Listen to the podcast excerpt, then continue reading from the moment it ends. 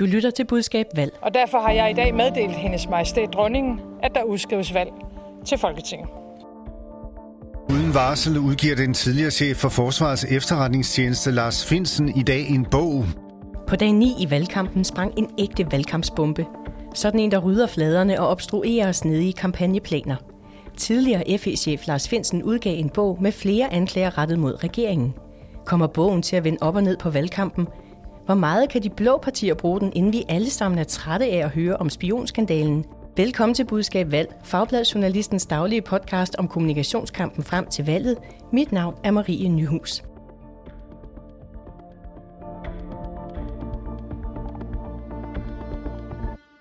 Der er 18 dage til valget, og vi har som sædvanligt to dygtige rådgiver med i studiet.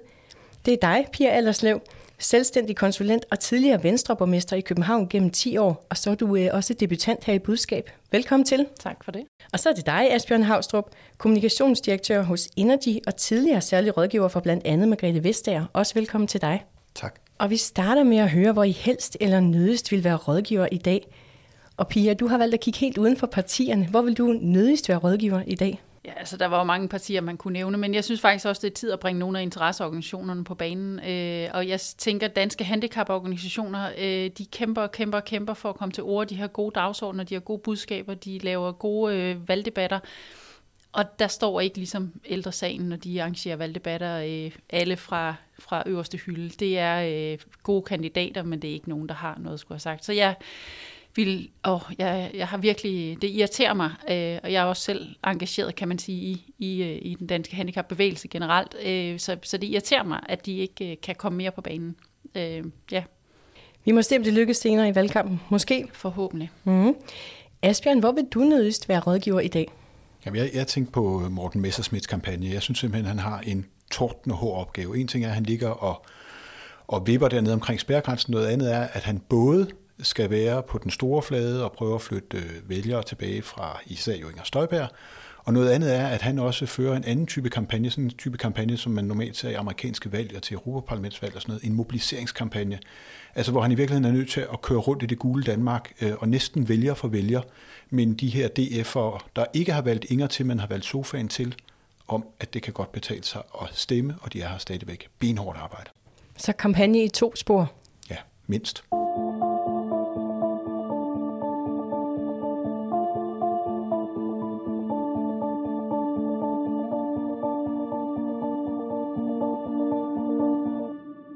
Lars Finsten og journalist Mette Mejli Albæk har overrasket hele Danmark med bogen Spionchefen Erindringer fra celle 18.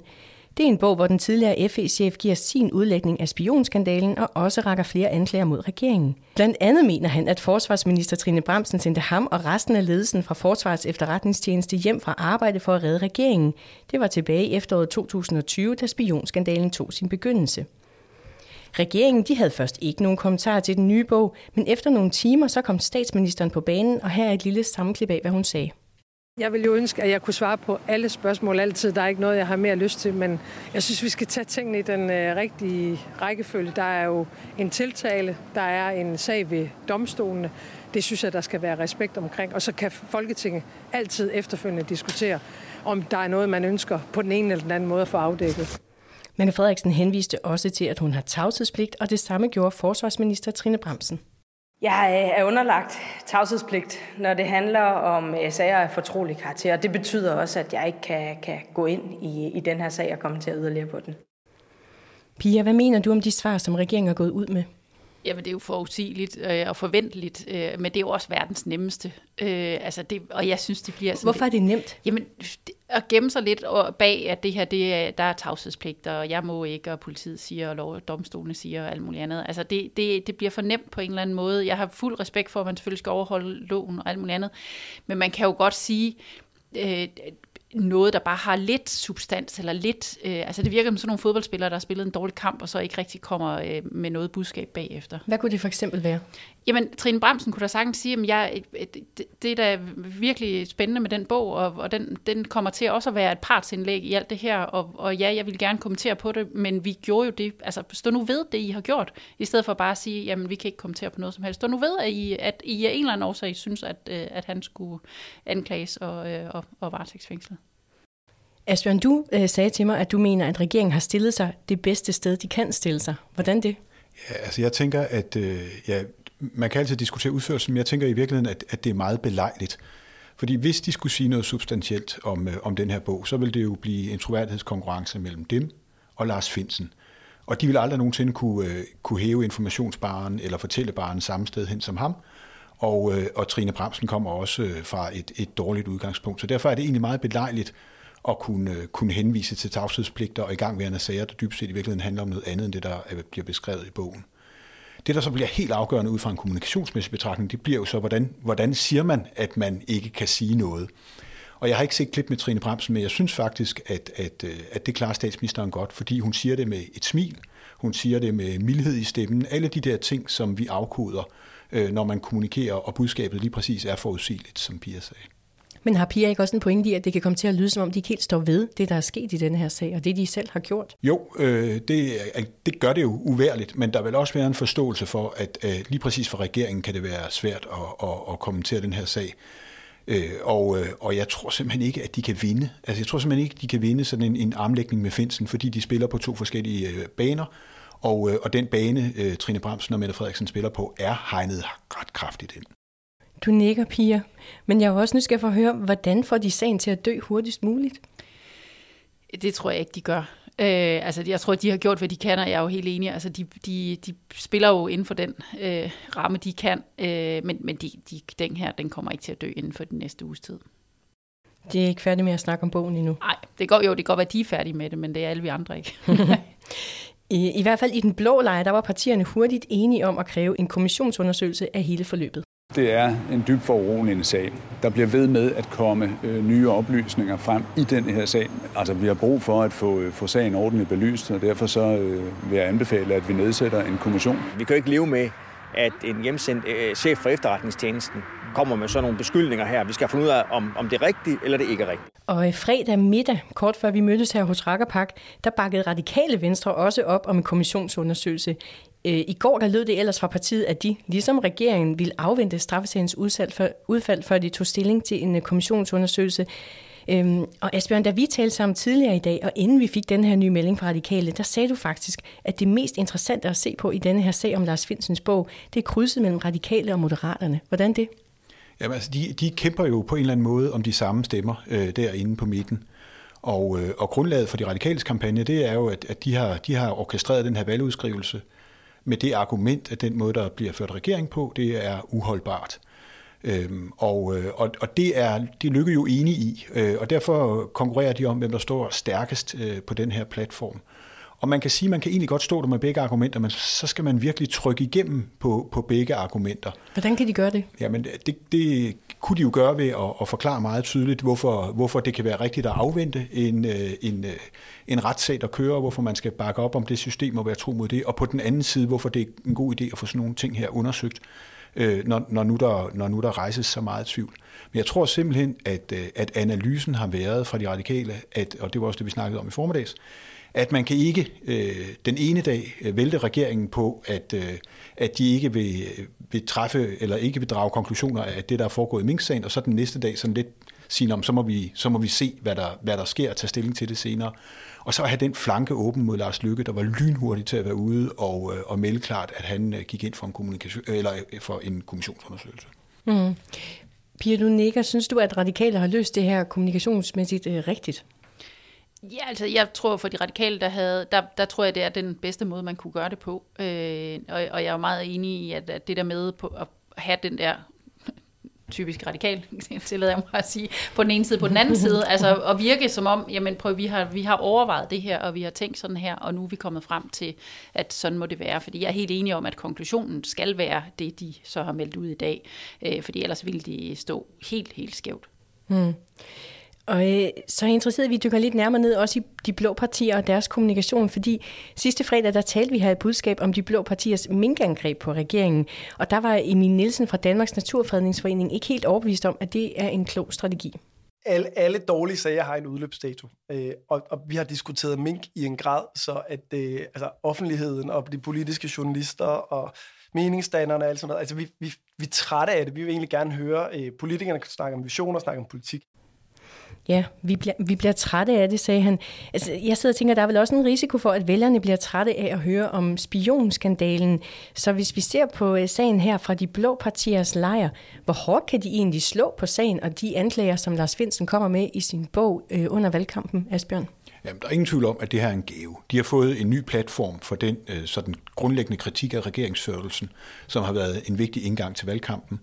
De har fået en, øh, en platform, der appellerer et andet sted i Danmark end Mink-sagen, som måske øh, især stadigvæk har fat i, i, øh, i nogle dele af, af Jylland. Nu er det noget, der ligesom foregår herover i, i, i Djøfland i, i, i København. Og Vi det giver, ind i byerne. Ja, det giver, det, giver, det giver ny energi til den her kritik af regeringen. Samtidig skal de jo passe på, at de gør det på en sådan måde, at, at de bevarer det der statsmandship, der skal til, når man gerne vil være statsminister. Og derfor spiller de den jo præcist, men en lille smule afdæmpet. Øh, og det, de kan håbe på, det er jo, at, at, at forlaget og Lars Finsen, som jo har en sag, om ikke andet den sag at sælge nogle bøger, at de har øh, tilrettelagt en kampagne, der skal køre over de næste mange dage, så den sagen i virkeligheden holder sig selv i live, og de engang mellem bare lige skal minde øh, folk om, at den her sag er der, øh, og handler om øh, Mette Frederiksens måde at, at føre regering på. Ellers så skal de nok passe, altså de skal nok passe på, at de ikke... Øh, det værste, der i virkeligheden kan ske, er, hvis de internaliserer den her sag, og den bare, om man så må sige, bliver et politisk slagsmål. Så falder den en lille smule værdi. Det bedste er, hvis den er derude som en virkelig sag, som man så en gang imellem kan referere forsigtigt til. Og det, det tror jeg er deres strategi. Og så vil jeg tro, der er en masse løjtnanter, der bliver sendt ud og, øh, og, øh, og slå hårdt til, øh, til sagen, lige nedenunder Søren Pape og Jakob Hellemann. Men det er et bud. Pia, du nikker. Er du enig i, at det vil være vejen til at, for de blå partier at holde liv i sagen? Ja, de skal passe på, at det her det ikke bare bliver en ny øh, mink-sag, hvor vi bliver trætte af at høre på det, men jeg er også helt sikker på, at Lars Finsen han har øh, tilrettelagt øh, de næste, øh, om ikke andet, øh, i hvert fald den næste uge, og måske endda også flere uger, øh, i takt med, at flere af os får købt bogen og begynder at læse den, og, og kan begynde at have, have holdninger til det. Men jeg forventer også at se i mit Facebook-feed øh, bekymrede miner fra, fra løjtnanterne, som Asbjørn siger, øh, der, der har øh, catchy phrase lines på, hvordan, øh, hvad er det med det, hun øh, har gjort forkert igen nu, eller hvad er det, Trine Bramsen gjorde forkert. Det kommer, men, men det bliver ikke fra hverken Søren Pape eller, eller Jakob Ellemann. De, de er de voksne fornuftige her. Det er de voksne blå. Altså, øh, fordi i, i blå lejr var Danmarksdemokraternes Inger Støjberg øh, også på banen med sin kommentar til Lars Finsen-bogen. Når øh, Trine Bramsen går ud og suspenderer en, øh, en øh, chef for en efterretningstjeneste, så er det ikke noget, Trine Bramsen hun bare gør på egen hånd.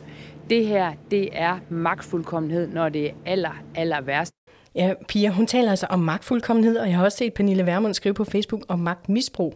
Hvordan er deres kommunikation anderledes end det, vi har hørt fra Venstre og Konservativ? Jamen, deres vælgere er jo en helt anden type vælgere. De, øh, de har brug for at høre det her sagt meget, meget firkantet, meget direkte og, og gerne også lidt voldsomt. Øh, det er det, øh, man, man tænker, når man, og vi kunne i virkeligheden måske tage DF med i den her også, men altså de tre partiers vælgere, de, de, det er det, de lytter til og, og reagerer på. Hvis Ellemann eller, eller Pape gik ud og, og sagde noget så voldsomt her, så ville der sidde nogen, mig selv inklusive, og tænke, ah, rolig nu venner, altså vi, vi har også et retssystem, vi har også noget, der skal, der skal køre igennem. Øh, men det tror jeg ikke, at øh, vælgerne længst ude på højrefløjen, de er så optaget af. De vil høre den skarpe retorik, det er det, der virker der. Så jeg hører jer sige, at I mener, at både Jacob Ellemann og Søren Pape faktisk er kommet rigtig fra start øh, med deres kommunikation i sagen om denne her bog. Altså, de har lagt en stil an, som, som tegner dem som, som statsmand. Ja, det har de. Og, de, og, og den skal de holde, øh, og, og de skal ikke selv gå ud og, øh, og, og opfinde eller spinde en hel masse mere nu. Så afslutningsvis, så vil jeg jo gerne høre jer begge to. Kommer denne her bog til at vende op og ned på valgkampen? Asbjørn, hvad siger du? Jeg, jeg siger, at det kommer an på, hvor lang tid den her historie øh, kan holdes i live på en sådan substantiel måde uden for, uden for, uden for sådan det politiske slagsmål. Og, og det kræver mere, end at den bare kører i nogle smalle programformater på P1 øh, med, med Bonningsen og, og, og sådan Eva Schmidt og den slags ting. Altså at den ligesom den bliver på den blade, brede flade på TV2 og på Danmarks Radio og på de store aviser. Hvis den gør det, så, så, så, så betyder det, at, øh, at det, som, som statsministeren faktisk var ved at få sig løsredet lidt fra, nemlig at hele valgkampen bare handlede om, hvordan hun lavede regeringsførsel, at det kommer lidt tilbage og sætter sig også i, øh, i, i den anden og på vej ind i den tredje uge af valgkampen. Og det, det tror jeg vil have en effekt. Men det er også klart, at mange af de vælgere, der orienterer sig efter det her, har jo fordelt sig. Altså de, er jo, øh, de har jo flyttet sig enten til den ene eller til den anden side. Og det er derfor, jeg tror, at det helt store spil, det er jo i virkeligheden et spørgsmål om, øh, jamen, øh, fordeler det her øh, noget mellem dem, der lever af den kritik, øh, der er af regeringen? Altså er der, lykkes det moderaterne at stå anderledes end de radikale og omvendt? Den, den type af forskydninger tror jeg snarere, den her bog kan føre til. Hvad siger du, Pia, når vi skal stemme 1. november, bliver udgivelsen af den her bog så en af de ting, man vil huske fra valgkampen, som har været med til at sætte et aftryk? Altså, man skal nok huske den, men jeg synes jo også, man kan se, at vælgere har også en meget, meget, meget kort band. Øh, så, så der er ting, som de simpelthen ikke øh, husker på, når de står nede i, i stemmeurnerne. Men kan man fra de blå partiers side og de radikale, få sat det der lille frø ind hos folk, at ja, men der er den der mag- magtfuldkommenhed hos, øh, hos regeringen, så kan det godt være, at det har en påvirkning, men ikke, jeg, jeg tror ikke, det får en afgørende betydning. Men det kan gjort valgkampen mere interessant.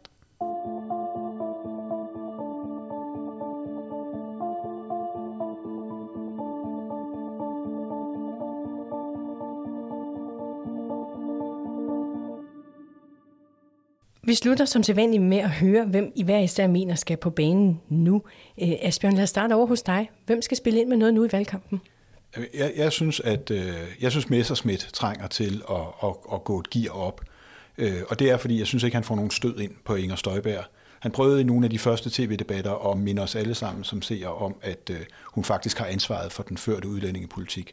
Men siden er det ikke rigtig blevet til så meget, og han er glidet baggrunden, og måske er det, fordi han er ude og passe basen øh, derude i, i det, man kalder lidt uskyndt det gule Danmark. Men, men han trænger virkelig til at markere, at der er en forskel på, om man stemmer på ham, eller man stemmer på, øh, på, på Støjbær eller Nyborgerlig. Pia, hvem skal på banen nu? Jamen, jeg synes, Jacob Ellemann skal på banen, eller i virkeligheden blive på banen. Øh, det, han, øh, han er flyvende lige i øjeblikket, og det skal han blive ved med at være. Øh, og, og jeg har sådan et billede inde i hovedet af, af Jonas Vingegaard, der, der vender sig om og venter på øh, ham, der væltede bagved, øh, som er hans nærmeste modstander. Og det skal han ikke gøre. Det skal Jacob Ellemann ikke gøre. Han skal blive ved med at køre. Han skal ikke samle pape op øh, og, og håbe på, at, øh, at, at han så får lidt medvind igen. Så, så det er nu, Jacob Ellemann han skal vise, at han er statsministerkandidat døn, øh, og det er ham, man, man skal satse på. Fantastisk billede.